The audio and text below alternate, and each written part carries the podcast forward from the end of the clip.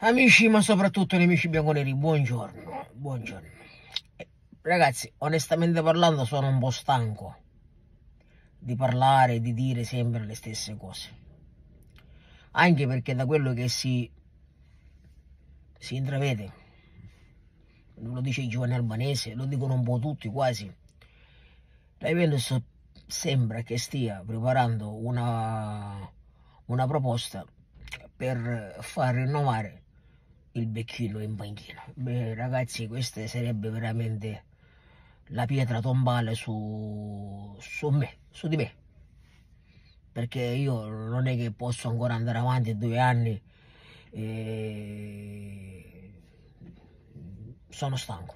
Sono stanco, quindi come, come vi ho preannunciato nel video, cambierò il titolo al, al canale e seguiremo la Juventus in maniera diversa. Non con questa no, mi dispiace, non, non, ce la faccio più, non, non, è giusto, non è giusto.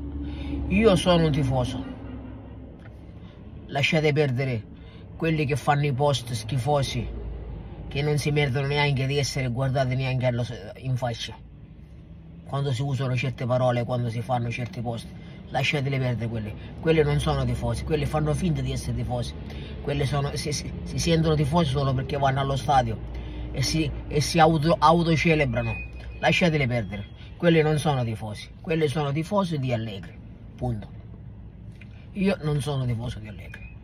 Ma non lo dico io perché, tanto per ribadisco, non perché mi alzo la mattina, adesso io mi metto a parlare contro Allegri. No, io parlo sempre con i fatti. Io, Allegri, diciamo che sono stato un moderato quando, quando vincevo. Un moderato perché di fronte ai risultati, perché per essere un allegriano devi essere un risultatista. Cioè significa che di fronte ai risultati poi o ha la squadra più forte o la concorrenza non esiste, questo non è colpa sua. E quando si vince tutto il resto bisogna, bisogna tacere. Anche se il gioco all'epoca anche con la squadra forte faceva cagare. Faceva cagare. Anche se all'epoca il gioco faceva cagare. Però ribadisco sempre di fronte ai risultati di fronte ai risultati uno deve stare zitto. Perché l'allegriano nasce risultatista. Te lo dice in faccia te lo dice lui, non mi interessa il bel gioco, non mi interessa lo spettacolo, non mi interessa neanche un briciolo di movimenti, diciamo, eh, da, da, calcio, non mi interessa. Tu devi, io sono un, un allenatore da televideo, giusto? Ok, ma questo ci sta, ma questo ci sta, perché non è che possiamo essere tutti uguali, questo ci sta. E quando e fin quando ci sono le vittorie, ribadisco, bisogna stare zitti. E io all'epoca ero un moderato, perché io, lo, io, io sono sincero, ve lo dico, non è perché il canale, quello, i video sono andati perduti, posso dire cose diverse. Io lo dico, sono moderato, io litigavo con Max e le Jason Fe perché lui già martellava. Io ci litigavo, ma gli dicevo, Max, ma di fronte ai risultati cosa dobbiamo fare? Perché gli scudetti arrivavano. Poi si arrivavano perché la squadra ribadisco era più forte, perché la squadra, eh, la concorrenza non c'era. Non è che è colpa di qualcuno questo, questo non è colpa di qualcuno, poi lo ha detto anche lui, che non è un allenatore. Il secondo mandato, io ribadisco, ri, ritorno, ritorno sul punto di partenza e quindi sui risultati. Se non ci sono i risultati, santo cielo, perché bisogna ancora continuare con questo allenatore? Perché non bisogna un po' dare un po' di aria fresca a questa, a questa, a questa tifoseria che si sta spaccando ancora di, sempre, sempre di più, giorno per giorno? Perché dobbiamo andare sempre con questo allenatore? Basta, ha fatto il suo tempo. Ribadisco, quello che hai fatto, nessuno te lo toglie. Nessuno. Perché ancora dobbiamo andare con lui? Perché c'è questa bozza di rinnovo che dovrebbe essere proposta con un stipendio spalmato che poi ribadisco conoscendo il tipo che è non lo so se lui accetterà attaccato al dio denaro Perché poi ribadisco, Allegri non è che è una persona, un, un, un, un allenatore scarso, è un, uomo di, è un uomo di merda. In questo secondo mandato è uscito il vero Allegri. È uscito il vero Allegri perché ha completamente, ha completamente eh, eh, ribaltato tutto quello che diceva quando vinceva perché lui era un risultatista, lo diceva. E voi vi parlate, parlate, parlate, ma poi quando vinciamo, quando cercate la vittoria venite da me. Quando poi esci fuori con il Villarreal, eh no, però bisogna essere onesti, onesti, onesti intellettualmente, bisogna capire che noi la partita l'abbiamo fatta e poi l'episodio, eh no cazzo, eh no cazzo. Tutte le frasi contro la Juventus che ha detto, peggio di Sari, al Sari l'ha superato in maniera eh, esponenziale, come, come frasario come frasario, i carri armati, le pistole, se volevo vincere andavo da un'altra squadra, chi, chi, chi, più ne ha più ne metta. Le sostituzioni che fa per provocare la società.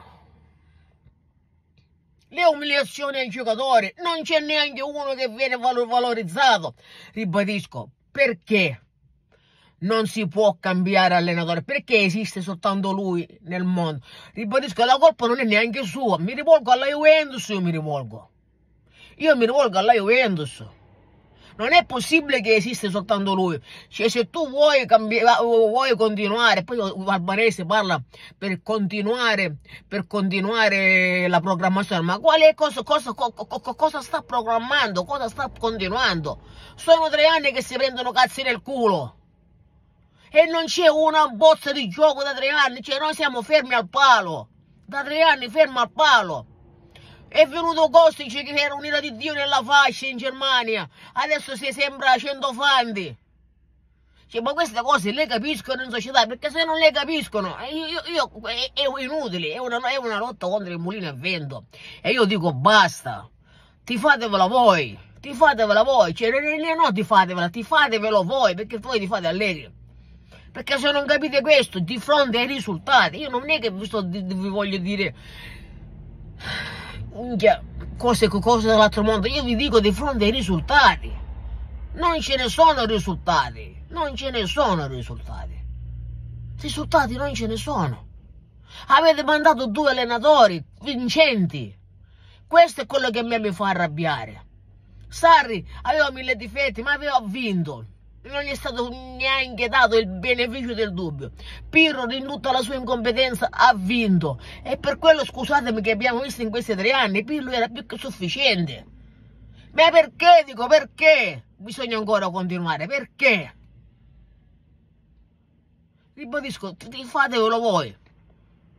Io farò il margine, io, io, io starò ai margini. Punto. Starò ai margini. Non differò più per la Juventus. Mi dispiace. Consegno la, la, la, la tessera di tifoso. anche se dovesse vincere la Champions. Non mi interessa più. Sarò un tifoso neutrale. Un tifoso semplicemente di calcio. Applaudirò quando si vincerà e criticherò quando si, quando si perderà. Ma come faccio con la Juventus e come, fare, come farò con l'Inter, Milan, Napoli, Roma, Lazio, eccetera, eccetera, eccetera non darò più il mio cuore a questa, a questa squadra. Perdonatemi, mi dimetto. Consegno le dimissioni. Perdonatemi, ma non ce la faccio più. Mi, mi, mi viene meglio. Mi viene meglio. Non è possibile. È come quando poi perdi un tifoso. Hai perso un tifoso, sì. Hai perso un tifoso non andrò mai più allo stadio perché non ci andrò mai più. Con il cambio di allenatore, con un po' di aria fresca, con un po' di entusiasmo fresco, non parlo assolutamente che con l'allenatore nuovo andiamo a vincere dopo due giorni la Champions, questo non lo, non lo sto dicendo, ma c'è una, una, una ventata di aria facce nuove, discorsi nuovi, chiacchiere nuove, eh, argomenti nuovi, modo di approcciare nuovo, tutto diverso. C'è bisogno di aria, ma è normale. E no, se tu ancora continui con la bozza di proposta, il prolungamento, lo, lo spalmo, non spalmo, ma andate a fare in culo a questo punto. Ti fatevela voi. Ma si ci ingazzate fino alla fine alle 8.